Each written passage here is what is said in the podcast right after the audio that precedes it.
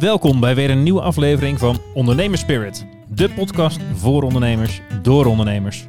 Ook te volgen op Instagram en LinkedIn, dus volg en like ons op die kanalen. En natuurlijk via je favoriete podcast app. Maar we gaan het nu eerst over ondernemen hebben met hopelijk weer enkele waardevolle tips en ondernemerslessen voor jou als luisteraar. Dus schenk een mooi glas whisky in, dan doen wij dat ook. We gaan beginnen! Ja, eh, welkom eh, Anouk bij ons op kantoor. Hoewel, Ja, je, leuk. je zit om de hoek hè? Ja, Dat, joh. eh, Eén minuut lopen. Eén minuut lopen. Ja. Ja, en ook weer welkom aan de luisteraars. Eh, we zitten weer in Utrecht bij Dot Slash op kantoor. Weer reistijd voor mij. Ja, weer reistijd voor jou. Lekker. Ja, je moest ook nog de whisky meenemen dit Ook keer. nog, ja. kosten voor jou. ja, het is niet best. Ja. Moeten we het nog eens over hebben. Ja. Eh, we gaan, ik ga gelijk naar Anouk om dit eh, pijnlijke onderwerp te vermijden.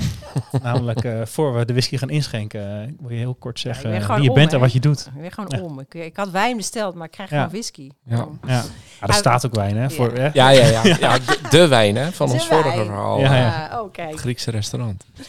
Eh, wie ik ben en wat ik doe. Ik ben Anouk Binkhuizen, een van de oprichters eh, van eh Facta. Eh, Facta zit dus ook hier op dot slash, op de scale-up locatie eh, Utrecht. Eh, wij, hebben, eh, ja, wij zijn een, eh, een, een edtech onderneming, zou je kunnen zeggen.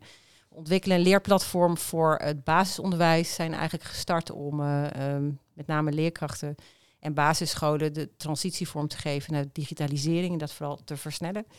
Eh, daar hebben we eh, eigenlijk een volledig middagprogramma, inmiddels ook een ochtendprogramma voor eh, ontwikkeld. eh, met allerlei vakken die eh, scholen moeten doen, maar ook aanvullend. Dus wat we noemen extracurriculair. Dus de kinderen hebben, leren ook bij ons eh, talentontwikkeling. eh, over allerlei verschillende leuke onderwerpen, maar ook geschiedenis of natuur of wetenschap, technologie, digitale geletterdheid.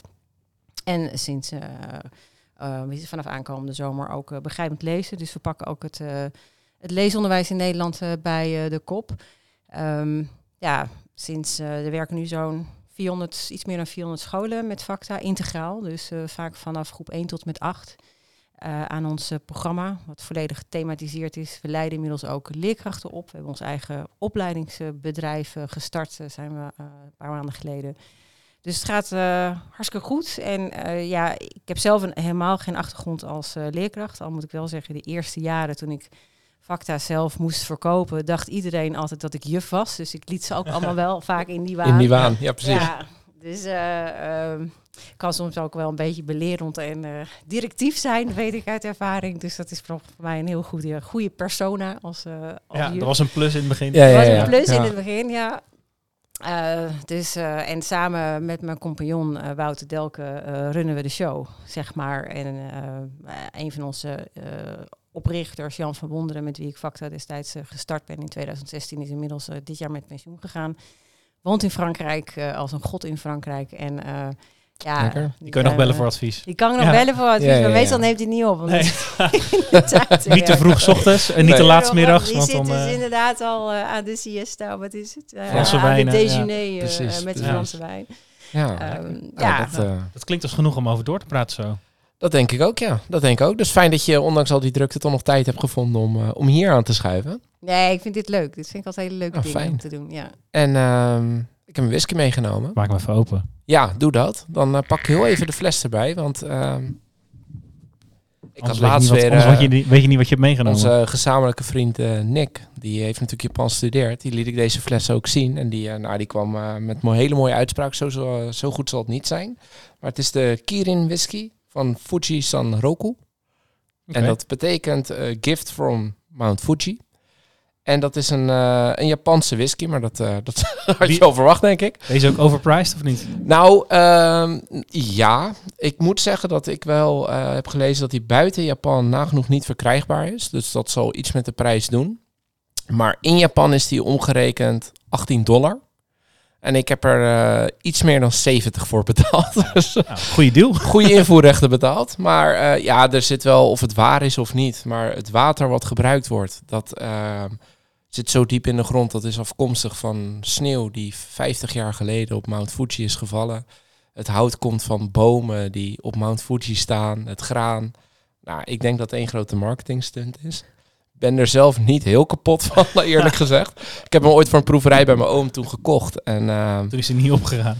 Toen is hij niet opgegaan. en toen dacht ik, nou, dan ga ik twee andere slachtoffers blij mee maken. Ja. Maar dan doe ik zelf ook mee, zo ben ik. En ik moet wel zeggen dat ik, ik kan hem nu wel iets meer eh, waarderen dan toen. Toen vond ik hem echt vies. Dat, maar dat komt ook omdat ik toen een aantal anderen had eh, gedronken.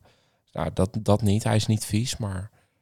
Hij Je wordt er wel lekker niet. warm van. hè? Ja, maar dat houdt... Ja, het, het ruikt gewoon vooral naar... naar Een beetje alcohol. ja, ik, ik- Ja. ja. En hij is niet zo fruitig, maar hij ruikt wel echt vanilletonen, vind ik. Ja, maar that's it. Ik vind hem verder niet heel... eh, hij is 50%. Zo iets, iets... Ja. En het is een blend ook. Dus ze hebben hem bewust zo gemaakt zelfs. dus ja, nee ja, het is een, een zesje. Verder kom ik eh, zelf niet. Maar eh voel je het vooral welkom. eh. ja, heerlijk. Ik, eh, ik drink wel mee. Nou, Dus, Ja, ja mooi. Jouw eh, whisky zit ook in een, eh, eh, whisk- een ondernemerspirit glas. Oh ja. Ehm, dus die mag dus aandenken ook mee naar huis nemen als je een keer eh, s s'avonds op de bank een whisky Oh, inschenkt. Dan ja. heb je nu een... eh, eh, ja, ik, ik moet zeggen, ik had eh, destijds eh, van eh, een paar jaar geleden was van Jelle een, eh, een eigen gemaakte gin gekregen. Oh, die met heb ik ook rode op. Ja. Ja. met een rode peper. Daar ja. zaten twee Ja. mooie glaasjes bij. Peper de in je een, glas of eh, zo Peper in die je toch? glas, Ja. ja. Het was een heerlijke gin, eerlijk gezegd. eh, eh, dus, eh, maar de, een van die glazen is gesneuveld, dus ik ben hier wel heel blij mee. Dus, Mooi, eh, ja. dank je. Nou, mooi. Dat eh, alvast goed kroon. Mocht je krijg wel alleen mee- willen Ja, overschakelen. precies. Dat kan ook nog. Dat kan ook nog, ja. Nee, ik, Ja. blijf het, ik houd wel bij Ja. whisky. Ja. Dat is goed. Ik, is eh, beter, is ja, beter ook. Ja. Ja, weg met wijnglas. Weg met de wijnglas. Ehm, we gaan naar eh factor. Je hebt er net al iets over gezegd, maar wat, ehm, eh, hoe is het eigenlijk ooit begonnen en hoe lang geleden eigenlijk al? In 2016 zijn we begonnen. In, eh, eigenlijk wel iets eerder, moet ik eerlijk zeggen. De, in 2014 eh, ontmoette ik eh, Jan toen ik nog freelancede in de uitgeverijwereld, educatieve sector. Ik heb altijd een beetje gewerkt op het snijvlak van eh, ja, innovatie, productontwikkeling, eh, marketing, sales. Eh, ja, ik was eigenlijk wel een beetje een soort van allesdoener, zou, ik, zou je kunnen zeggen. Maar het leukste vond ik eigenlijk echt producten van scratch af aan maken. Dus ik kwam in 2014, geloof ik, uit mijn hoofd, bij uitgeverij Zwijze eh, terecht. Eh, voor een freelance klus en daar ontmoette ik Jan. Omdat eh, die hadden destijds ehm, en wilde meedoen aan de pitch die door het Concertgebouw werd uitgeschreven om ehm, muziek op de kaart te zetten. Ze hadden ge- geld opgehaald bij eh, hun private fondsen en wilden een muziekmethode maken met een van de grote educatieve uitgeverijen. Nou, Zwijs is een van de grootste in het primair onderwijsdomein. En Jan was de uitgever die dat moest doen en die had een rechterhand nodig om, nou, wat ze noemen getting shit dan van, gedaan te krijgen binnen, binnen twee, drie maanden een prototype. Ehm, dus ik, eh, ik werd aan dat project eh, gekoppeld en eh, ja, wij bleken een hele goede match te zijn vanuit de visie en de didactische uitgangspunten die Jan definieerde vanuit een onderwijskundige bril, maar ook met zijn, ja, met zijn vernieuwingsbril, hoe, hoe hij naar het onderwijs kijkt en wat nodig was. Ehm, en mijn operationele, vooral executiekracht om het eh, ook echt gedaan te krijgen. Dus wij hebben prachtige lessen gemaakt. Ehm, Klinkt ook als een gouden combi echt. eh. ja, het was Ja. echt, eh, we waren echt ook een heel goed team. En ook echt leuk, zeg maar, in de zin van met, met leerkrachten, maar ook over allerlei andere onderwerpen in het leven konden we heel goed filosoferen met wijn.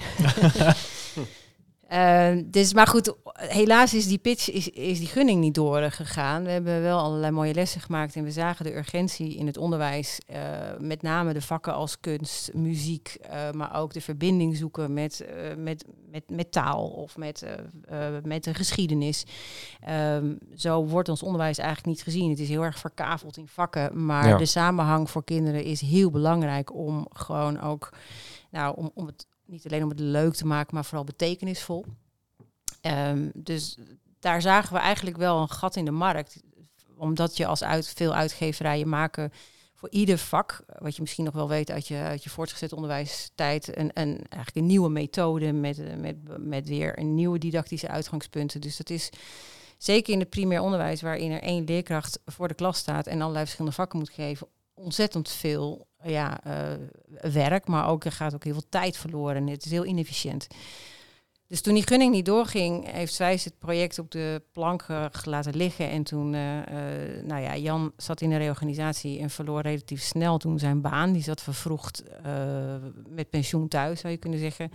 En ik zat bij, bij een andere klus. En toen dacht ik wel bij mezelf, ja, ja, ga ik dit nog in lengte van dagen doen? Of eh, pakken we toch dat plan wat we hadden bij de kop en gaan we het gewoon zelf doen? Maar Ja. dan groter, breder en echt ehm, nou, vanuit, vanuit eigenlijk de opdracht die we onszelf ook hebben gegeven om het onderwijs vanuit het klaslokaal vernieuwend vorm te geven. ehm, waarbij het lesmateriaal, goed lesmateriaal eh, en, en nagedacht vanuit de organisatie van het leren en de organisatie vanuit de leerkracht centraal stond.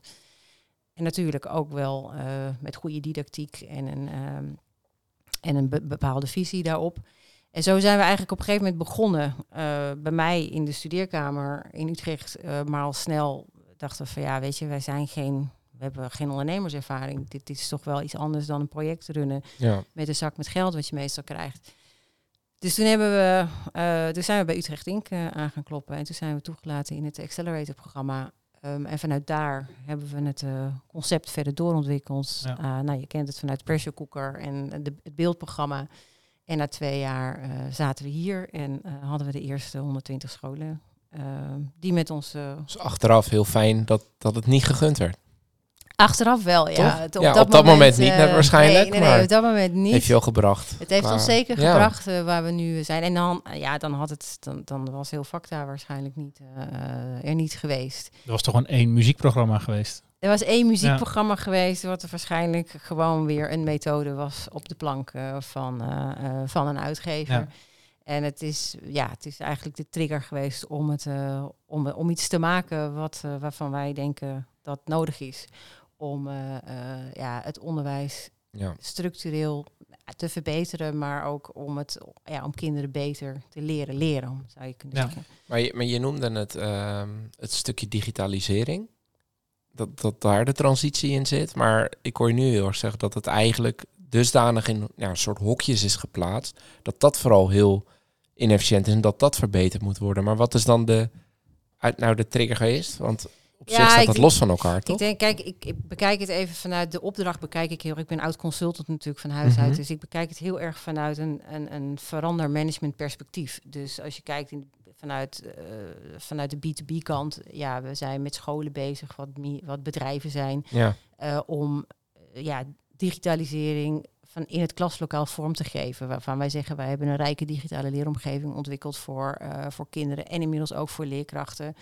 Leiden daar ook in op, waarbij eh, ja, je goed lesmateriaal nodig heeft waar, waar digitaal niet als doel op zich, maar wel een, een middel is om ook, eh, en, en waar technologie ook een middel is om beter eh, onderwijs vorm te kunnen geven. Bijvoorbeeld gepersonaliseerd. We eh, hebben eh, een leerplatform waar de NTR bijvoorbeeld ja, al die schooltelevisievideo's die liggen te verstoffen op een plank in Hilversum hebben gezegd laten we dat cureren. We gaan het niet opnieuw maken, maar hoe kunnen we nou goede educatieve content, videocontent integreren in, in een lesconcept. Mhm. Ehm, dat heeft vaak een hele hoge mate van informatiedichtheid. Het, het is iets waar kinderen, jonge kinderen nu mee opgroeien. Die weten niet anders. nee, die En weten niet beter. Ja. Waarom gebruiken wij dat niet in ons lesmateriaal? Zitten we nog continu naar die statische plaatjes te kijken Ja. van eh, tien jaar geleden?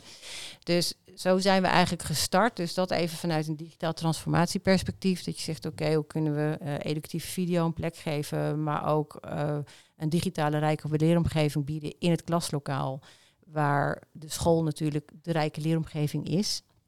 Maar daar mist, hè, er hangt vaak een digibord waar een leerkracht gewoon Ja. op een YouTube-filmpje eh, klikt. Dat is geen digitale rijke leeromgeving. Dat moet je integreren, eh, daar moet je opdrachten aan toevoegen, daar moet je, dat moet je laten passen, aan, dat moet aansluiten bij kerndoelen. Dus dat is een enorme complexe puzzel om te maken.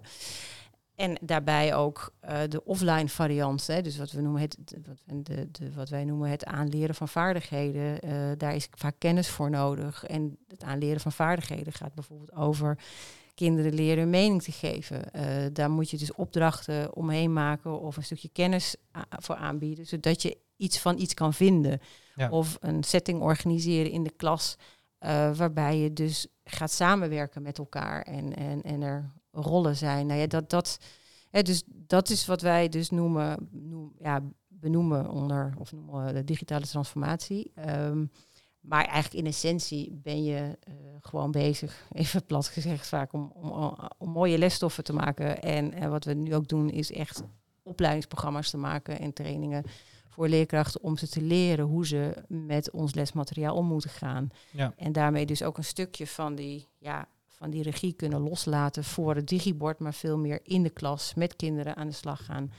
Ja, dus dat, Ehm, het, dat het niet alleen maar digitaal is. Dat, Zeker eh, niet, nee, Het, is, het is verre is van alleen maar klacht, digitaal. Ja. Dat mensen Ja. alleen maar ja. digitaal kunnen. En als ze Ja. een brief moeten schrijven, dan is naar Ja. één kantje, doet de pols zeer. Mensen kunnen amper schrijven. Ja, of als je met iemand moet samenwerken, dat het niet lukt. Want je bent alleen maar gewend eh, Ja, via chatfuncties of zo. Ja, of eh, filmpjes ja. te kijken.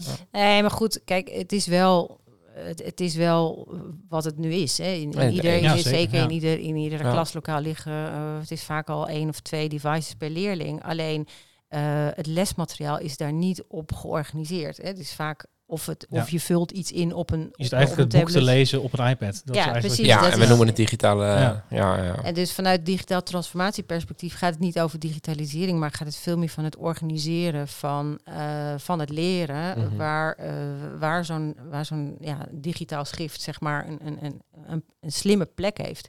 Maar waar bijvoorbeeld ook een leerkracht vanuit een dashboard kan aflezen welke kinderen eh, bijvoorbeeld hulp nodig hebben, waardoor je dus andere kinderen, als het goed gaat, even kunt, zelfstandig kunt laten werken. ja. Ehm, inzicht is daarin een hele belangrijke factor Ja. om, eh, om iets te kunnen loslaten. Ja. Eh, dus daar hebben we ook heel veel op geëxperimenteerd. En het is ook. en, en daar leiden we nu inmiddels ook in op. Want dat is vaak het allermoeilijkste voor leerkrachten.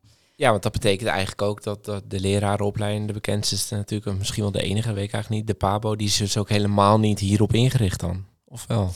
Nee, we werken wel, al werken we wel, eh, al bieden wij ons, ons eh, programma, ons platform vaak eh, gewoon is, voor studenten te- gratis te gebruiken tijdens een stage. Dus Mhm. er zijn ook pabo's die, met wie we samenwerking hebben, die het ook heel interessant vinden om Ja. de ontwikkelingen te zien eh, wat uitgevers aan het maken zijn. We worden echt wel gezien als een uitgever. Mhm. Ehm, dan zijn we wel iets meer dan dat. Maar, dus, maar daar is nog wel een wereld te winnen. Ja, dat Want is heb je ook niet eh, te maken dan met allemaal, eh ja, wet en regelgeving waar lesprogramma's aan moeten voldoen en dan, ja, ik, ik heb bij de overheid gewerkt, die ken ik niet heel anders dan stug en log. En dit is best wel game-changing als je dit goed toepast. Ga je wel heel anders onderwijs geven. Hoe kijkt zo'n organisatie daar dan tegenaan? Ben je dan niet tegen enorme loginstanties Ja, je aan hebt wel wat te maken met, met, eh, met doelen die je, moet, die je Mhm. minimaal moet, eh, moet aanbieden. Dat is ook logisch. Kijk, dat, dat is wel ons vak wa- wat, wat we al jaren doen. Hè. Als, als uitgever ben je niet anders dan bezig om je programma aan wettelijke kaders eh, te laten voldoen. Dus we werkten eigenlijk aan, aan, in de ontwerpfase is ook een Stichting Leerplanontwikkeling ook betrokken geweest. Ehm, om gewoon mee te kijken, maar ook mee te denken van hoe geef je dit nou vorm? En ehm, waar, hoe zorg je in ieder geval dat je aan de, eh, gewoon wel het comfort kunt bieden aan, aan, aan leerkrachten, maar ook het inzicht kunt bieden aan scholen, dat je programma gewoon eh, minimaal keer een doeldekkend is. Ehm, en daar hebben we ook allerlei tooling voor ontwikkeld. en daar ontwikkelen we ook steeds meer in door. We zijn nu zelfs ja, onze, onze doelboeken waar kinderen eigenlijk aan een set van vaar- verschillende vaardigheden per thema werken, helemaal inzichtelijk aan het maken. Ehm, dat een bepaalde opdracht niet een creatieve opdracht is, maar vaak een, ja, een, een opdracht waarin, we, waarin het veel meer gaat over meningsvorming of probleemoplossend vermogen. Of eh, je bent bezig een, een, een, een proces aan het uitvoeren in een bijvoorbeeld in, in een onderzoekscyclus. Nou, dat moet je wel expliciet maken, want het wordt nog niet zo gezien vaak. Nee. Ehm, begrijp ik ook goed dat jullie allemaal disciplines combineren in, eh, in programma's? Dus dat je niet meer eh ouderwets het vak rekenen hebt en eh, daarna het vak taal, maar dat je Ja, eh, we heb- we opdrachten dat- hebt waar die dingen worden gecombineerd. Ja, we hebben dat wel voor, eh, zeg maar voor de, eh, voor de niet-kernvakken. Zeg maar. Dus de kernvakken zijn taal, rekenen, lezen. Eh, daar blijven we vanaf. Inmiddels hebben we wel op verzoek van scholen eh, begrijpend lezen zijn we aan het ja, maken. Dus je, ja. je ziet dat dat wel langzamerhand aan het verschuiven is.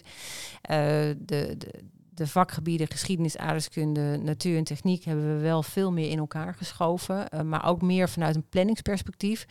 Want ja, eh, om bijvoorbeeld, dat wisten we vanuit het project met, eh, met muziek bijvoorbeeld, daar is nooit, daar is geen tijd voor in het lesprogramma. Dus wil je wel muziekperspectieven of een kunst, een thema over kunst doen, wat, wat scholen heel graag willen, of over duurzaamheid, ehm, dan moet je dan, ja, dan moet je iets anders eigenlijk uit het programma weglaten of het gewoon anders ontwerpen, organiseren. Dus daar zijn we vooral mee bezig geweest om die, die vakgebieden, ja, wij noemen dat met hoofd- en multiperspectieven te werken. Dus we kijken minimaal wat is er, wat is hoofdperspectief. Dat kan een aardrijkskunde thema zijn, bijvoorbeeld over het, het, klimaat of een natuurthema of het weer. Maar we larderen dat bijvoorbeeld met geschiedenisdoelen of met een, dan zit er bijvoorbeeld wel een kunstopdracht in, uh, in zo'n uh, natuurthema. Dus dan doen ze ook een les uh, iets heel creatiefs. Ja, je moet opeens denken aan uh, uh, soep gooien over een schilderij ja, voor het klimaat. ja, ja, ja, ja. maak maar eens een, ja, een, een, storm, zeg maar. maar dan op een toneelstuk, maak daar maar eens een toneelstuk over. Dat, dat soort opdrachten moet je dus denken. Dus het heeft natuurlijk helemaal niets met digitaal te maken. Nee. nee. Um, maar wel over maar wel het zien je, van verbanden en samen. Thema's gaat leren. Ja, je moet een thema goed kunnen doorgronden om daar een toneelstuk over te kunnen maken. Precies. Ja, precies. Je moet daar ook bijvoorbeeld een script over schrijven. Dus je moet ook wel een beetje weten waar komen stormen vandaan of hoe ontstaan orkanen. Ja. ja. Ken, je alle scholen die met Facta werken? Nee, nu inmiddels niet oh, meer. Nee. Nou, dat is op zich een goed teken, maar die... 400 uh, zei toch? Ja, niet meer dan 400 of 411 of zo was het vandaag. Ja, maar mijn, mijn oudste zoontje die gaat over twee maanden naar school. En uh, ik, ik woon in een dorp waar je drie basisscholen had die samen zijn gegaan. En die zijn eigenlijk naar een soort totaalconcept gegaan. En uh, we hadden eerst een eerste ouderavond. Dan is je kind 2,5, denk je, zit ik hier nu al. Maar goed, uh, dan gaan ze... het is ook heel nieuw. en die gaan op deze manier te werk. Dus misschien is het zelfs wel uh, met, met, met, met jullie systeem. Zou zomaar kunnen. Ja, maar die werken dus ook niet meer met een, met een groep 1 en een groep 2, maar gewoon met leerlagen. Ja. Letterlijk, want het zijn verdiepingen die school. Units. En ja, ja precies. Dus Je, je, je begint en je start met jouw groepje. En gedurende de dag, ja, ik interpreteer dat als word je losgelaten en kijk maar wat je gaat doen. maar dat is natuurlijk de hele andere kant van het spectrum. Je wordt echt wel in de gaten gehouden. Maar zo kwam het op mij over. En ik merkte gewoon dat ik omarm verandering echt in, in alles. Maar ik had ook een beetje Behalve... weerstand dat ik denk van ja, maar hey, eh, laat hem gewoon leren rekenen en gewoon, gewoon rammen tot hij het kan, zeg maar. Maar dat is gewoon puur vanuit, ja, zo zijn wij natuurlijk ook opgegroeid. En ja, met ons is het ook allemaal goed gekomen. Dus waarom zou je dat veranderen? Dat was ook mijn eerste primaire reactie op, op, op die ouderavond, zeg maar. Ja, ik denk dat het voor de, zeg maar voor de, wat wij noemen de ochtendvakken wel iets anders geldt dan voor de middagvakken waarin wij. Wat, wat is dat onderscheid? Dat, uh... Ja, de ochtendvakken. Kon ik net ook al zeggen. ik kan zeggen de lunch, maar. De, ja. de lunch, ja. Dank je, Roy. taal en het rekenen en lezen, dat is wel wat lastiger om dat uh, uh, samenhangend zeg maar, mhm. in, in, elkaar aan te bieden. En dat heet dan de dus, ochtendvakken? Ja, dat noemen wij de ochtendvakken. Oh, ja. Dus begrijpend lezen, dat doen we bijvoorbeeld wel in de context van een thema. Dus als, een, als, als de school bijvoorbeeld het thema weer en wind op de planning heeft staan en ze werken ook met onze begrijpend lezen methode, dan gaan die teksten ook echt over, uh, over dat onderwerp. Ja. Um, je hoeft dat niet, eh, dan kan je dat ook nog wel los, eh, zeg maar, los van, uh, van onze wereldoriëntatieprogramma doen. Maar dat is wel wat, dat zijn wel aparte uren, zeg maar, in het ochtendprogramma. en ja, je, je kunt wel steeds meer verband zoeken. Zoals je thematisch werkt, kun je wel gewoon kruisverbanden gaan zoeken met die vakken. Maar ja, oké, leren rekenen, getalbegrip, dat zal je toch ja. gewoon moeten soms een beetje tafel stampen. Stampen, ja, drillen. Ja, maar daar gaven ze toen een voorbeeld dat ze dan uh, een soort winkeltje naboot, zeg maar, waarbij ze dan zelf een portemonneetje moeten maken en muntjes moeten maken. Dus dat wel spelenderwijs. Zeker. Maar je bent dus wel met die muntjes aan het rekenen. Dus op zich zit dat element erin. Toen dacht ik, ja, dat is op zich ook heel mooi. Maar ik merkte gewoon mijn eerste reactie was... ja, maar je kan ze toch niet vrij laten... en als hij van mij dan constant wil sporten, gaat hij dat doen. Maar hij moet toch ook leren rekenen en lezen. Maar het is waarschijnlijk... zit er natuurlijk een hele gedachte, ja. methodiek achter. Er moeten wel doelen gehaald Ja, precies. Ja, ja, ja, ja. ja, maar anders krijg je natuurlijk... je ook wel die erkenning moeten krijgen als ja, er is natuurlijk ook een, gewoon, gelukkig ook een inspectie die ja, precies, kijkt. Dus het is niet allemaal uh, vrijheid. En ja, wij moeten daar wel, dat zijn ook wel de minimale ontwerpeisen waarin wij, uh, waar, ja, waar wij een product op moeten uh, ontwerpen. Ja. Dus ja, dus je ziet ook als aan, als je ja, bij ons loopt er ook van alles rond. Er lopen onderwijskundigen rond die, ja, die, die aan, aan de productontwikkeling kant dus echt die lessen maken maar ook die opleiden. Ja. Maar we hebben ook uh, creatieve indiensten die, uh, die leuke video's in elkaar uh, zetten. Van, inmiddels maken ook onze eigen content developers ook veel, veel video zelf. Um, ja, onze salesmensen zijn weer van een heel ander DNA. Dus ja. dit, dit, is wel leuk om te zien hoe, je, ja, hoe divers eigenlijk ja, hoeveel, wat de diversiteit is aan mensen die bij ons werken. Ook omdat je dus een onderwijsproduct maakt wat wel gewoon aan bepaalde harde kwaliteitseisen moet voldoen. Maar er zit ook een bepaald creatief proces in. Een les maken kan soms ook gewoon ja, een, een, een, een brainstorm zijn waarin ik, ja, wat, wat zijn nou leuke opdrachten voor kinderen om te doen? Mhm. Um, en een afdeling marketing moet eigenlijk onze toch wel vaak complexe boodschap die en de serieusheid die wij natuurlijk als meer als, als managementdirectie hebben, omdat je bezig bent met een nou ja, een transformatieproces in het onderwijs op een hele luchtige manier brengen Ja. voor leerkrachten, zodat het lijkt alsof je het, ja, zo, alsof het heel makkelijk is eigenlijk. En het Ja. is het uiteindelijk ook wel. Ja, Ja. alleen je moet het wel omarmen. Je moet het wel Ja. omarmen. Ja. Ja, ja. Precies. Ja, maar het is best wel complex speelveld inderdaad. Want ik kan me Ja. voorstellen dat eh, de, de directie van een school bepaalt het uiteindelijk, denk ik. Maar waarschijnlijk in samenspraak met de docenten. En waarschijnlijk is er ook een soort van ouderavond dat ouders er iets over mogen vinden. Dan heb je van die types als Roy die dan gaan zeggen van joh, gewoon stampen. Ja, Eh, en je hebt te maken met die regels. Dat, dat, ja, dat- ja, dat is wel. eh, Kijk, wij houden, ik zeg altijd tegen Wouter en ik zeg altijd tegen elkaar, wij houden van complexe puzzels. Dus als het niet complex is, dan, dan gaat het geen niet mis. uitdaging, Is er geen uitdaging. Dit is er zeker eentje. Eh, ik kan het zelf ook zelf beamen, want de eerste jaren eh, heb ik zelf veel, heb ik gewoon eigenlijk de, de, de, de sales gedaan. En er is niets moeilijkers om iets te verkopen aan een groep leerkrachten. Waarom? Omdat het een directeur is vaak faciliterend. Die geeft, een- die geeft alleen een go op een budget en vervolgens ons- komt er een werkgroep. Ehm een Ja. gemiddelde school heeft al vaak twintig leerkrachten. Dus dan zijn er drie, vier leerkrachten als vertegenwoordiging om zo'n keuzeproces eigenlijk eh, vorm te geven. Maar uiteindelijk is het wel de bedoeling dat iedereen daar wat van vindt. Ja. Zeg maar. Ja, het is dus klein genoeg dat, dat ieder zijn mening wordt gehoord. Ja, Ja. absoluut. Dus, die, dus, het, dus het is vaak heel... eh, dus daar hebben we ook ontzettend veel in geëxperimenteerd. In het begin eh, volgden wij vaak de klant. Maar op een gegeven moment hebben we in commercieel opzicht gezegd... eh, de klant volgt ons. Mhm. Zeker omdat je met iets nieuws komt. Dus dan kijk je... Ja, wij noemen dat het Mount Idiot syndroom. Dus dan kijk je dus eigenlijk met een ouderwetse bril naar Ja. iets nieuws... en dan vind je daar wat van. Terwijl je eigenlijk niet weet hoe het uitzicht op de top van de berg eruit ziet... omdat je daar nog niet bent.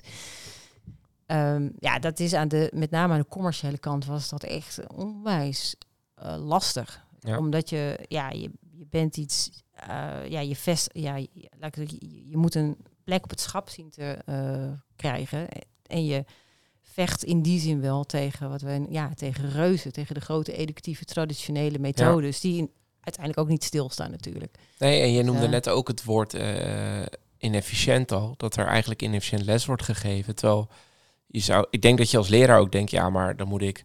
eh, want je gaat nu best wel eh, leerling gericht. Ga je kijken, oké, maar voor jou is dat niveau en voor jou is dat niveau. Dus dan zou ik als leraar misschien ook denken, ja, dan moet ik voor iedereen op een apart niveau wat anders gaan doen. Dus dat het nog meer werk wordt. En er is al best wel veel druk op leraren. En dat moet je dan toch met je, met je boodschap zien, zien weg te nemen. Ik denk dat dat Ja. ook wel een pittige opdracht is. Ja, we zijn ook wel eigenlijk wel, wel een beetje eh, zoekende geweest. Ook voor, wel- voor hoe positioneren we Ja. eh, dat dus. Ik, ik heb eigenlijk de beginnersfout gemaakt eh, door omdat je dan dus leert. eh, dat is ook wel. Je leert ook, eh, omdat je iets, iets complex maakt, moet je het zo eenvoudig mogelijk eh, eh, gaan uitleggen. Dus ik heb het in eerste instantie ooit ge- gepositioneerd als de Netflix voor het onderwijs. Nou, dat had ik, ja, daar heb ik echt van Ja. geleerd, want dat had ik nooit moeten doen. Tuurlijk zaten er wel video's in, maar dan lijkt het net alsof je de hele dag alleen maar video's zit te Ja. kijken. Ja. ja, en dat was het dus totaal niet. Ehm, uiteindelijk hebben we natuurlijk wel, eh, maken we wel gebruik van video, maar helemaal ingebed in de educatieve context met Ja, ja, ja, opdrachten ja. en dergelijke. dus dat, dat. is veel meer eh, dan Ja. dat. Ehm, en je moet ook uitleggen eh, aan leerkrachten dat je, ja, zeker in het basisonderwijs, je hebt, hè, weet jij, eh, eh, je hebt units waar ze met verschillende groepen jaarlagen werken, maar je hebt ook gewoon de traditionele Ja. jaargroepen. Dus we moeten voor alle smaken moeten we iets kunnen bieden. Ja. Dus we hebben inmiddels ook voor eigenlijk iedere vorm van onderwijs hebben we planningen gemaakt. Dus we noemen het maar routes door het programma. En eigenlijk volgt 99% gewoon wat wij noemen de IKEA-route door het programma. En eh 1% eh, wijkt Die daarvan neemt een af. shortcut. Ja. Die weet al Ja, ja. precies welke plant hij moet hebben op, eh, wat is het? Vak 20. En vak Eh, 20, ja, ja, ja, ja, ja, ja. precies. Da- daar kun je het wel goed mee eh, vergelijken. Maar je moet het wel aan de voorkant zo eh, simpel maken. Ja. Ja. En ook, Maar is dan ook jouw vergelijking van we zijn de Netflix van het basisonderwijs naar we zijn de IKEA van het ja, ja, ja, basisonderwijs? ja, ja da- daar voel ik me wel iets comfortabeler Ja. bij dan de Netflix. Ja. Ja, dat is een, mooie vergelijking. Ja, en wat vind je, want je zei al, we, waren we zijn, eh, toen we gestart waren, waren we geen ondernemer. Ehm, je hebt een heel traject, je komt allerlei obstakels tegen waarvan je niet wist dat ze er waren op het moment dat je ging starten. Als je nou terugkijkt die eerste zeven, nou inmiddels acht jaar, eh, wat vind je dan lastig? Als ondernemer, wat vind je moeilijk? Nou, wat ik wel, eh, wa- wa- wat ik het allerlastigste vind is, of vond, was het hele financiële stuk. Eigenlijk het financieren van groei. Dat vind ik een, eh, een hele complexe puzzel. Ehm, is het nog steeds wel. En het wordt eh, al, al zeggen we dus wel, we houden van complexe puzzels. Maar ja, Niet voor jezelf, niet voor, anderen. niet voor alles. Weet je, zeker nu dat we best wel wat mensen aan personeel hebben, is het gewoon, is, is, die, ja, is die verantwoordelijkheid gewoon, wordt steeds groter. Ehm, nou, dat was zeker in de coronatijd was dat pittig, omdat we eh, de eerste jaren konden we relatief, ja, eh, konden we relatief wat we noemen voorspelbaar groeien. En was het heel erg afhankelijk van onze eigen inzet als founders. Ehm, maar we hebben in 2020 hebben we, eh, hadden we net een, een, een nieuwe ronde eh, opgehaald.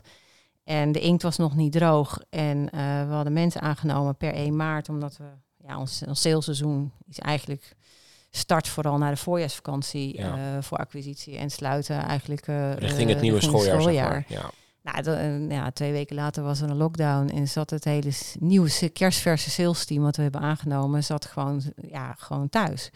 Ehm, ja, dat was wel even schakelen. Ja, dan Van, neemt ook niemand de eh, telefoon op, want al die scholen zaten ook van eh, shit, wat moeten we nu gaan doen? Ja, en onze Dan ga je niet even bellen met de sales eh, team van... Nee, nou iets nee. tofs, ja. Nee, het is goed. heb We nou hebben wel iets wat andere dingen ja. te doen. ja. Ja, dus dat vond ik natuurlijk.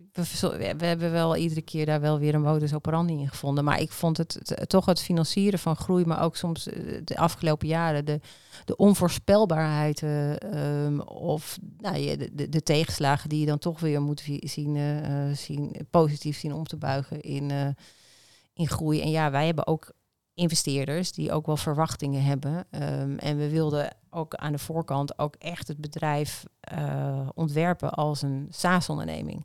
Dat was een soort opdracht aan onszelf wat, om te voorkomen dat we een, een traditionele uitgever zouden gaan worden, waarvan we dachten, ja, dat, dat- we- maken software Ja. met een hele grote contentcomponent. En ehm, het, ja, ik kom uit een wereld van eh, methodeontwikkeling waar je één keer in de tien jaar eh, zeg maar aan vernieuwing doet. Dus na tien jaar is zo'n product afgeschreven en dan ga je het weer opnieuw maken. Ja. We dachten, ja, dat moet toch anders kunnen? Want je, we moeten gewoon een actueel product kunnen houden en we moeten het zo kunnen maken dat het gewoon misschien wel 50 of 100 jaar meegaat. Eh, dat, een, dat er nooit een reden is om te stoppen met Facta, eh, omdat het oud is of wat dan ook. Ja. Dus vanuit die principes zijn we het gaan ontwerpen. Eh, eerst het product, vervolgens de organisatie. En daar kwam natuurlijk ook financiering bij. Ehm, Was dat vanaf het begin al duidelijk voor jullie? Van dit, dit gaan we niet zelf kunnen financieren of uit de markt, dat moet met extern geld? Of is dat in het proces opeens dat de realisatie kwam van shit, eh, dit gaan we zo niet redden, we moeten ja, geld ja. ja we, we wisten het al wel relatief snel. Dat leerden we ook wel in de incubator. Als je, eh, al hebben we het bedrijf al wel echt gewoon volledig gestretched, gebootstrapped, zou je kunnen zeggen. Eh Wout en ik hebben zelf ook behoorlijk eh, wat geld in het eh, bedrijf gestopt. En we hebben de eerste, ja, zeg maar vier jaar echt op een pindakaasregime gezeten. Dus dat, en het was ook prima, weet je. Het, het, het- het- Leer als ondernemer ook een hoop Ja, van, toch? Pijn Ja. is fijn, zeg Ja. maar in die Ja, zin. ja. je, je leert Eens. echt gewoon heel creatief te worden. Ja. Ehm, en dat, eh, dat was eigenlijk ook echt heel goed. Dat, dus daar hebben we ook, eh ik bedoel, ik kijk daar eigenlijk met, eh, eigenlijk met heel veel plezier op, eh, op terug. Ja. Ik denk, ja, jeetje, dat- zijn wel, eh, dat zijn wel de jaren geweest dat ik mijn, eh, mijn master of eh, ondernemen heb eh, Ja, gehaald. Ja. ja.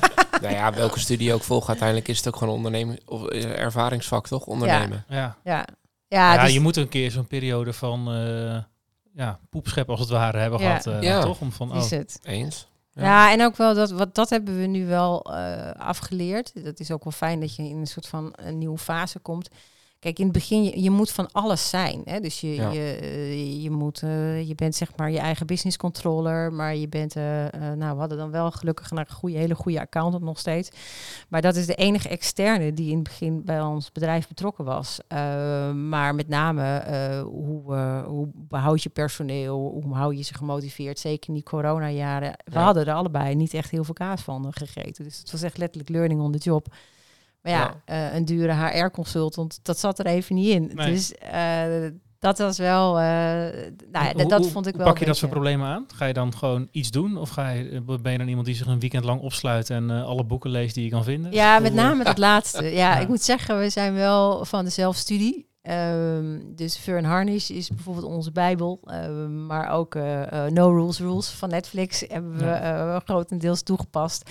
Totdat we erachter kwamen dat we een aantal dingen toch echt aan de Nederlandse wetgeving moesten relateren. Ja, ja, ja. Dat het hier niet zo is als in Amerika.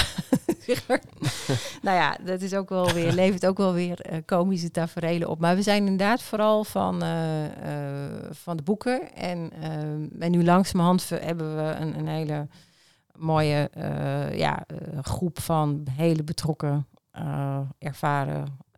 ja, nou, ik wil niet zeggen dure consultants helemaal niet. Het zijn vaak mensen die we kennen uit onze studietijd vaak nog. Of via via. die ons helpen op bepaalde dossiers. Met name op het gebied van finance, Ja. HR. En ehm, Ja. ja. dat eigenlijk. Ja. Je echt je team aan het, waar je het eerst allemaal zelf deed, ben je nu wel echt een team aan het bouwen. Ja, wij zijn eigenlijk ook wel een beetje teruggekomen van het aannemen van seniors. We hebben daar een paar eh, hele dure fouten in eh, gemaakt. Het past ons ook niet, eh, niet echt. Het Dus- past er niet qua financiën of qua, qua team en, en, en wijze van ondernemen? Nou, met name dat laatste. Ik denk, het zijn vaak toch. Kijk, de, de seniors zijn vaak ook mensen die in een corporate omgeving gewerkt hebben. En Ja. het is toch wel even wat Ja. anders of je aan een paar procent groei werkt. Of je ieder jaar gewoon 50 tot 60 procent moet groei moet realiseren. Dus dat, dat, ja, dat, dat is een andere mindset. En ook wel veel meer wat wij noemen low ego. Weet je, je moet gewoon. Ja. En dat, dat is een paar keer gewoon helemaal misgegaan. Waarbij je dan toch merkt dat als je een, een ja, voor je gevoel een zeer ervaren, bijvoorbeeld eh, eh, accountmanager aanneemt, die veel vlieguren op de klok heeft, eh, totaal niet gedijt bij ons en gewoon niks gedaan kreeg omdat het op een hele andere manier gaat, weet Ja. je. Dus ja, je moet niet je eigen pitch gaan maken. Moet je gewoon niet doen, weet je. We hebben gewoon alle lessen al geleerd. Je moet gewoon deze pitch toepassen. Ja, precies. Maar ja, dat, dat werkte vaak niet. Want dan merk je toch dat iemand het naar zijn hand wil zetten... of Ja, een bepaalde visie heeft of anders. En daardoor, ja... Gesterkt door, ik heb zoveel jaar ervaring en daar werkte het ook. Ja. Dus laat me nou maar. Ja, Ja, ja, dus dat, daar zijn we echt van afgestapt. En eh, dus eh, ja, we zijn echt eigenlijk het, de eerste jaren hebben we echt vooral junioren opgeleid. eh, Die vaak bij ons stage hebben gelopen en die dan een eerste baan hadden. Dus dat gaf echt onwijs leuke dynamiek. En nu de afgelopen twee jaar hebben we eigenlijk, ja, eigenlijk nemen we mensen aan die in een tweede of derde baan en die, die bijvoorbeeld een eerste stap willen nemen in het, in het leiding geven van mensen of een leadfunctie.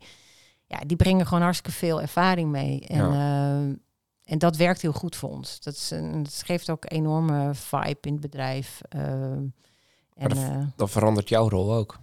ja, zeker. Toch? Ja, Je ja. bent dan minder aan het aansturen, maar meer ja, het aansturen van het bedrijf, maar niet zozeer de mensen. Ja, wat, wat je nu ziet is dat we veel meer de leads en de managementlaag aan het opleiden zijn. Ehm, dus dat je, hè, dus met name, eh, ja, wij, dat vind ik het leuke aan het schalen van het bedrijf. Je, je leert zelf ook heel veel.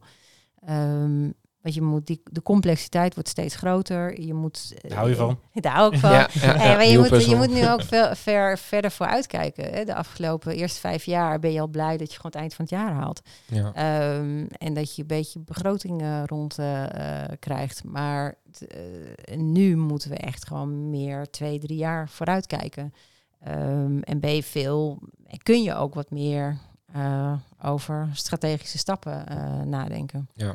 ja, tof. Ja, maar als je eh, een bepaald track record hebt, is het ook makkelijk. Ja, goed, kijk, Ja. wij zijn natuurlijk, hè, als je kijkt naar de hoeveelheid populatie op basisscholen, is er nog een, we- wereld te gaan. eh, Hoe zijn er eh, eigenlijk in Nederland? Ja, 6.500 of zo. Dus we Oh. hebben nog wel even wat te doen. Maar het was leuk dat we Als je al afgelopen... 400 hebt, zo'n korte tijd.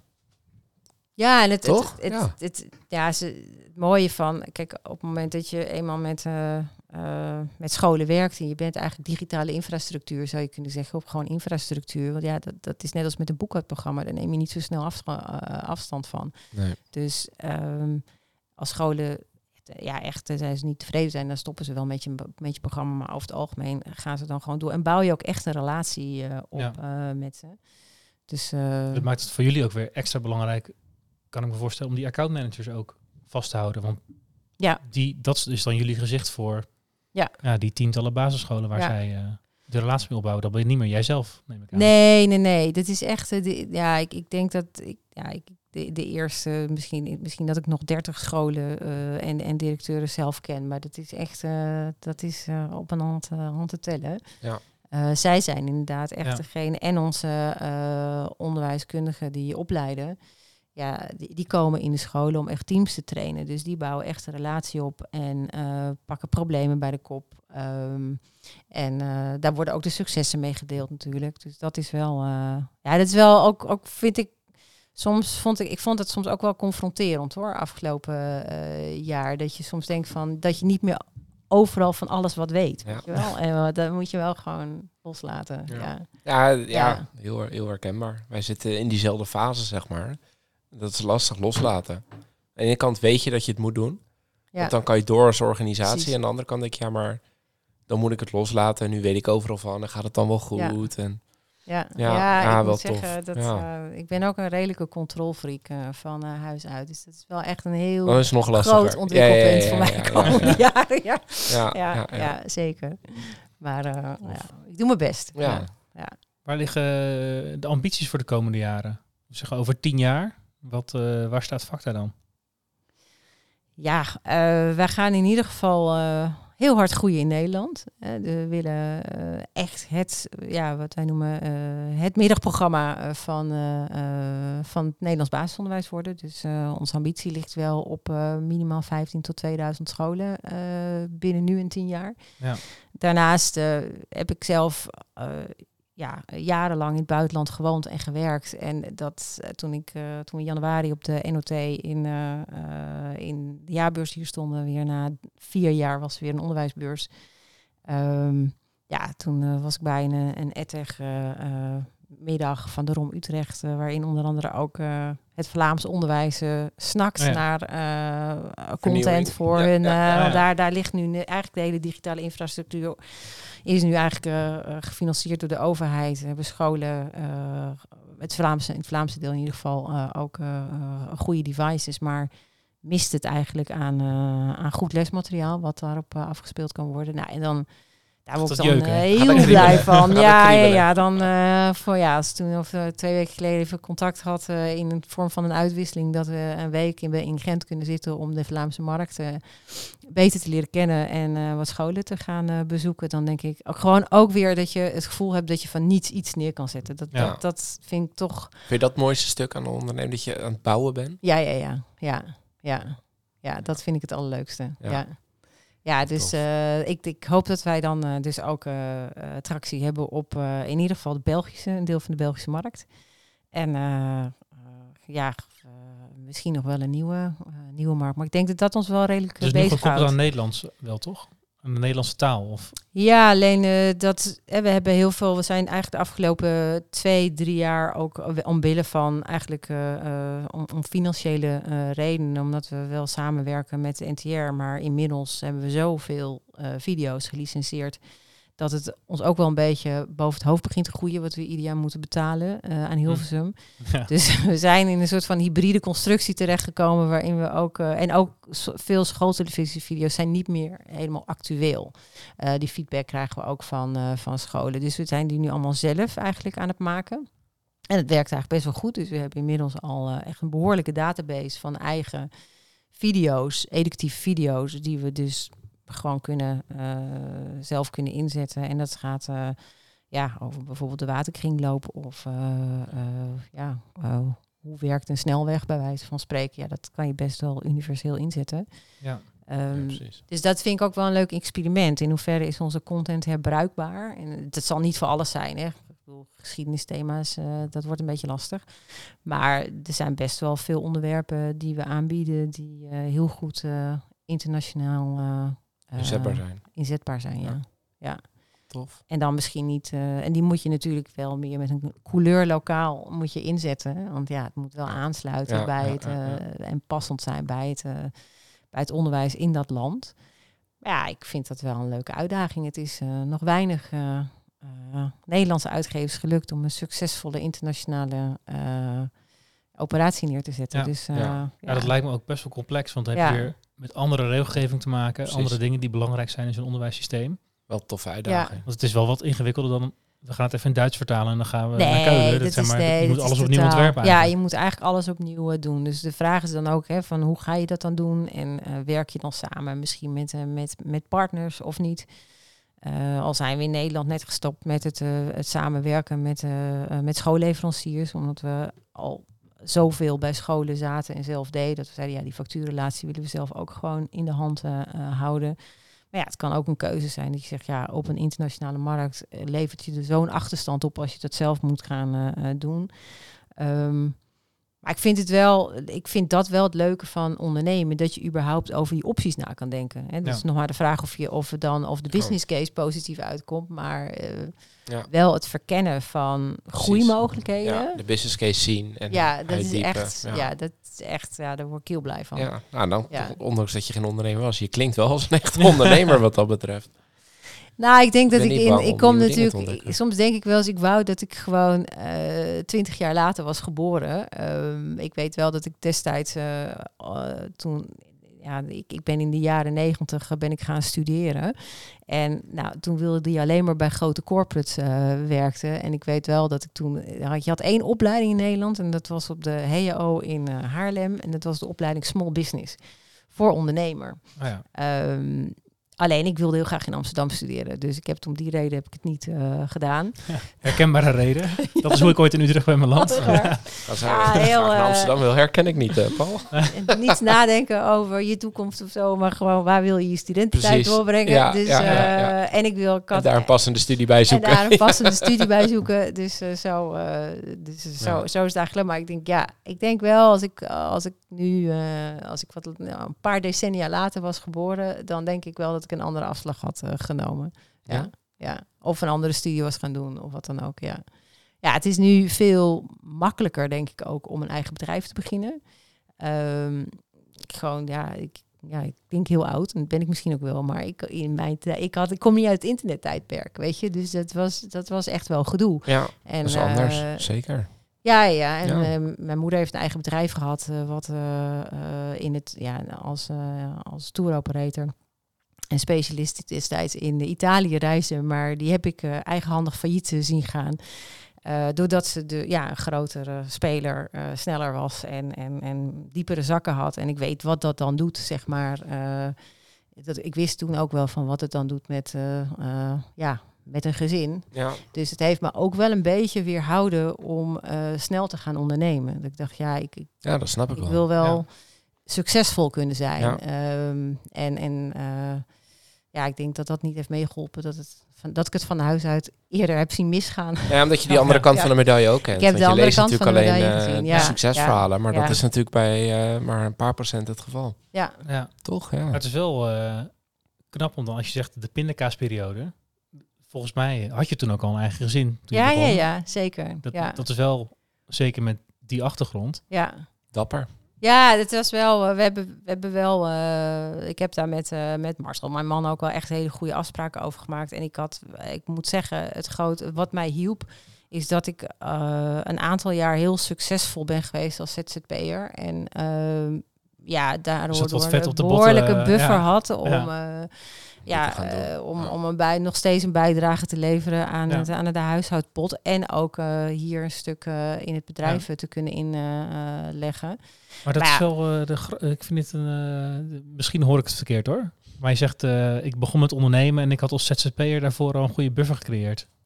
Voelt dat dan als niet als ondernemersjaren? Nou, eh, ik vond het een beetje, vraag. ja, Goeie goede vraag. vraag. Ja, ik vind het wel, ja, dat, dat vond ik, ik vind ZZP een beetje nep ondernemen, weet je. Maar goed, dat is mijn, mijn persoonlijke eh, mening, omdat ik wel, eh, ja, omdat ik weet ook van, eh, van mijn moeder, die heeft ook echt een bedrijf gehad met personeel en, een- en een kantoor en, en eh, nou, apparatuur en alles. Weet je, alles wat erbij kwam kijken, eh, dat heb ik ook wel eh, eh, meegemaakt. En als ZZP'er, ja, je, eh, je staat niet op de loonlijst, maar als je een beetje, je moet wel gewoon goed zijn in je acquisitie, in je pitch. En dat zijn Ja. natuurlijk, dat zijn Ja. wel kwaliteiten die je moet hebben om, eh, denk ik, een goede, goede ZZP. En je moet wat kunnen, je moet een bepaalde specialisme hebben. Mijn, eh, dat was destijds mijn, eh, mijn framing marketingmeisje.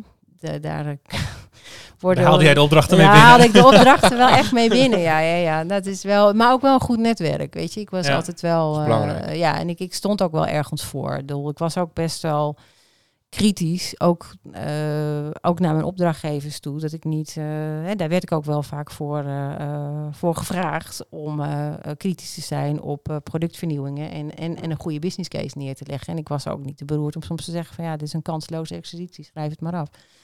Ehm, ja, Maar, is, maar is dat, is dat verschil voor jou tussen als ZZP'er bezig zijn en ondernemen, dat zit dan echt in een soort van dat groeiperspectief of personeel aannemen, dat risico en niet alleen maar... Uren verkopen. Niet Ja. alleen uren verkopen. Ja, ik, wat, ik, ik denk dat dat... ehm, nou, het, het ondernemende van ZZP'en vond ik wel dat je heel erg ehm, eh, vrij bent in een... Je, je hoeft je niet te binden aan een organisatie. Je moet heel erg nadenken over... Hè, dit is ondernemen in het klein. Want je moet toch... Ja, je wil toch een bepaalde, bepaald inkomensniveau halen. Dus daar moet een bepaalde omzet tegenover staan. Daar, Ja. daar zit toch wel een beetje een plan onder. Mhm. Ehm, ja, dus, dus daar zit zeker wel eh, een, een, een, heel stuk. Je moet wel, denk ik, ondernemerschap in je hebben om dat, eh, om dat Ja. op een goede manier te kunnen doen. En ook om jezelf te ontwikkelen, zeg maar. Ik, ik, ik was wel als als ZZP ook wel bezig van eh, waar sta ik over vijf jaar? Ben ik niet, ik wil niet na vijf jaar nog steeds dezelfde soort klussen doen. Ik wil me ook doorontwikkelen. Ja. Ehm, en dat vertaalde ik soms ook wel door in, in mijn tarieven. Soms, wer soms werkte het wel, soms werkte het niet. Dus dat was wel, dat, dat stuk vind ik wel, als ZZP'er ben je wel heel ondernemend bezig. Alleen een, een echte ondernemer, in mijn optiek, hoe ik het nu zie, heeft ook ja, dat, dat, dat, het hele het bouwen van een bedrijf, een propositie. eh, Ja, dat Eigenlijk- zijn andere kwaliteiten dan... Ja. Ja, het Ja. personeelstuk, eh, maar ook de ontwikkeling van het personeel. Nadenken over de groei van je bedrijf, zodat anderen zich kunnen ontwikkelen in jouw bedrijf en dus ook gewoon stappen kunnen zetten in hun persoonlijke ontwikkeling. Ja, dat vind ik nu, dat vind ik eigenlijk echt ondernemen, zeker als groeiondernemer. Ja. Eh, dat moet je ook wel echt leuk vinden, denk ik. Ik, ik denk dat ik dat nog het leukste stuk vind nu. Ehm dat, wat, dat was wat totaal niet mijn sweet spot was, HR. Eh, nou, op dat dossier zit ik nu, eh, eh, People and Culture, om, om echt ja, met name te, te groeien als bedrijf. Nou, 50% per jaar, wat we een beetje als doel hebben. Maar vooral ook om ontwikkelingsperspectief voor hele slimme, eh, opgeleide, hoogopgeleide mensen te kunnen bieden. Ja. En dat is, ja, dat, dat is ook wel iets wat ik zelf ontzettend gemist heb in mijn, zeg maar, corporate eh, eh, er- ja, leven, zeg maar, eh, de afgelopen twintig jaar, Ja. voordat ik aan Facta begon. Eh, Dat niemand, ik was alleen maar, ja, er was eigenlijk, eh, mijn manager was niet bezig met mijn ontwikkeling, wat ik eigenlijk heel gek vind. Ja. Ehm, en dat is ook vaak wel vaak de reden waarom, het, eh, vaak, waar, waarom ik vaak op zoek ging naar iets anders. ja, Terwijl dat denk ik een hele belangrijke blijffactor is voor, 100% mee eh, voor Ja. mensen. Om, om- ja, dat, dat je daar dus wel over nadenkt. En dat hoeft niet op individuele basis te zijn. Maar wel dat je, eh, dat je laat zien aan de voorkant hoe je van plan bent het bedrijf te schalen. Maar ook inderdaad dat je dus moet nadenken over waar staan we over vijf jaar, waar staan we over tien jaar. Ja. Zodat ja, zo'n medewerker zichzelf ook in dat plaatje ziet. Of misschien Precies. juist helemaal niet. Kan Ja. natuurlijk ook. Ja. Ja. Ja. maar dan is het ook fijn om daar op tijd achter te komen. Ja. Toch? Ja. Ik, ik kom zelf uit de accountancywereld en dat is echt een groot probleem. Dat heel veel mensen gaan daar na een jaar of zeven, acht, gaan ze uit de accountancy, gaan ze bedrijfsleven in, puur hierdoor. Ja. Ze zien geen ontwikkeling. Managers zijn bezig met targets, niet met, met persoonlijke ontwikkeling. Dat is daar wel echt een groot probleem. Ja, ik geloof het ook wel. En die gaan Ja. allemaal de bedrijfswereld in, naar, naar start-ups, skill-ups en, en, en ja, Nou, ik denk dat het ook een hele belangrijke vakantie. reden is waarom zoveel leerkrachten uit het onderwijs gaan. Wij werken, we werken nu best wel wat ex-leerkrachten bij, eh, bij ons nu. En die dus eigenlijk op dit stuk ook vastliepen eh, Ja. in hun... Ja, school is ook gewoon een mini-organisatie. Ja. Eh, als hier wat meer aandacht voor zou zijn, denk ik dat ook, er ook veel minder uitval zou zijn. Ja. En dat er weer, ja, dat op een andere manier aandacht wordt besteed aan werkdruk. Dat heeft vaak ook te maken met de organisatie. Van hoe organiseer je eh, je school of eh, hoe is het. Dus dat zijn allemaal thema's. Dat is gewoon het, het, ja, eigenlijk het, het leiden van een minibedrijf. Ja. En nadenken over processen. Dus, eh, maar ik vind dat is eigenlijk ontzettend leuk. Dus het verrast mij ook wel Ja. dat dit, eh, dat Ja, dit, eh, Van dat, marketingmeisje naar HR. eh, dat ik toch misschien. eh, schrijven hier gewoon een nieuw businessplan tijdens deze aflevering. Ja. alleen nog een Ja, naam ja. hebben kunnen. ja, wie weet. Ja, Ja, heel tof. heel leuk. Ik eh, grijp even Oh. terug op de over tien jaar eh, is eh een derde van de Nederlandse markt en eh, Vlaanderen, een deel van Vlaanderen. Ja. Staat er dan een eh, fles van succes eh, ergens op je te wachten of heb je die in je hoofd? Een fles van succes. Ja, zo definiëren wij hem. Dus wij hebben Ja. allebei een fles whisky staan van als het bedrijf ooit verkocht wordt. Of, Oh, zo. of, een, andere, of een ander mijlpaal die je haalt. Lange je dan- termijn doelstelling als je die haalt. Of Ja. je dat dan... Ja, nou weet je, dat, ik, vind het nou- ik vind het een hele, dat is een hele interessante vraag. Want die, eh, kijk, ik moet zeggen, wij wonnen in 2020 eh, een beetje geheel onverwacht de Blue Tulip eh, Award in de categorie Education. Dat is eerder bekend als de Accenture Nou ja, Innovatie Award. En ehm, dat was eigenlijk de kroon op ons werk voor Jan en mij. Omdat je al vier jaar aan het ploeteren bent bijna en niet weet, wordt dit wat? Eh, waar eindigt het? Ehm, Jan ging in eh, november met eh, pensioen. En het, voor hem was het ook de kroon op zijn werk. Omdat hij altijd, hij zei ja, Facta was eigenlijk datgene wat hij in zijn hoofd had wat nodig was. En eh, hij ik heb hem de, de echte award heb ik meegegeven naar Frankrijk. Dat hij, daar, ja, hij kan er iedere dag naar kijken. Ja. Wij hebben er geen tijd voor. Maar dat was, ja, ik moet zeggen... Met dat- zijn fles van succes. Ja. ja, inderdaad. Het is een Ja. fles van succes. Ehm, ik heb vervolgens eigenlijk eh, daarna wel gedacht van... eh, oké, als we dat bereikt hebben, dan, dan dat. Maar heel vaak gebeurde er dan toch wel weer... of iets vervelends, of corona gooide route in het eten. En ik moet eerlijk zeggen dat ik nu alleen maar denk... ehm, het enige wat belangrijk is, vind ik dat wij... ehm, financieel onafhankelijk zijn als bedrijf. Dat heeft ons geleerd in de coronatijd. Op een gegeven moment een goede studie of een een goede vriend van, eh, niet studievriend, maar met wie ik samengewerkt heb. Die zat ook even tussen twee klussen. En die heeft eh, eh, Wouter en mij geholpen om de hele financiële huishouding eh, eh, in coronatijd, nadat we die, dat geld opgehaald hadden. En de mensen, dus eh, eh, met name salesmensen, dus eh, werkloos thuis eh, zaten. Ehm, ik heb gezegd, ja, ik wil niet met mijn rug tegen de muur gezet worden door investeerders. In Nee. in een, eigenlijk in een, door een situatie wat buiten mijzelf om is. En dat, dat, dat zag je natuurlijk om je heen gebeuren bij start-ups en scale-ups. Heel veel. Eh, waardoor, we, waardoor we het bedrijf kwijt zouden raken of de grip op het bedrijf kwijt zouden raken. Dus ik zeg, ja, dat is dus gewoon, het was een soort van geheime operatie eh, die we ontworpen hebben. Ik zei, ja, ik wil gewoon per se dat we zelf bedruipend zijn. En dat betekende heel harde gesneden in budgetten. Dat betekent dat we ook afscheid hebben genomen van, eh, van mensen in die periode om gewoon de begroting rond te krijgen. Maar het heeft er wel voor gezorgd dat we dus niet met onze rug tegen de muur zijn gaan staan. We hebben ook eh, destijds ook van de, de ROM Utrecht ook een corona-overbruggingslening eh, gekregen. En, ehm, en ik, ik moet zeggen, dat, dat is het ultieme gevoel van vrijheid uiteindelijk. Ehm, en voor mij is dat het allerbelangrijkste. Ik vind het wel, ja, ik, mijn, op, als we over tien jaar nog steeds op, de, op een paar honderd scholen zitten, dan is het niet gelukt. Dus ik moet wel, ik zeg ja, ehm, voor mij is het het, eh, ja, ik, ik denk dat het belangrijkste is, eh, ik word dit jaar ook, eh, ook 50, ehm, dat ik over tien jaar nog steeds dit bedrijf heb. En ik hoop eigenlijk dat ze dan nog steeds zeggen, joh, ben je nog steeds een superleuke baas en wat heb je het goed gedaan. Eh, heb- eh, ik denk dat dat het grootste cadeau is wat je kan krijgen. En ja, weet je, dan staat er waarschijnlijk een, eh, een hele dure fles rode wijn op mij te wachten. Ehm, maar ik merk wel dat ik door, de, door het hele pindakaas-regime verleden helemaal niet meer ja, een beetje ben gaan ontspullen. En niet meer hecht meer aan allerlei materiële zaken.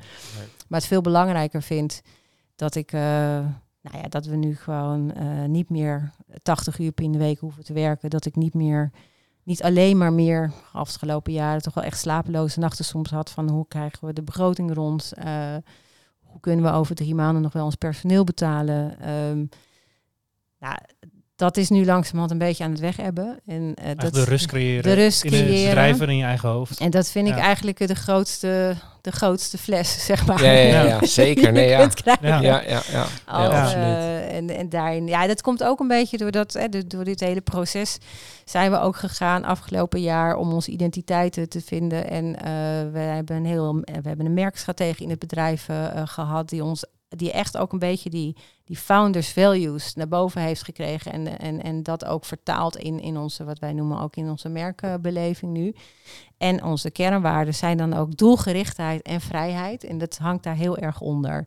Ja. Ehm, wij zijn allebei, denk hele harde werkers. En we zijn, eh, Wouter en ik hebben allebei best wel blauw DNA. Dat we gewoon precies weten wat we willen en hoe we het willen. En dat moet ook op de manier zoals wij dat willen. Ja, de weg ligt daar ook al. Dat Ja, betekent precies. dus ook Ja. dat seniors met ons werken, dat, dat kan alleen maar als het mensen zijn die ons adviseren, maar niet die in ons bedrijf werken, Nee. want dat creëert gewoon een frictie.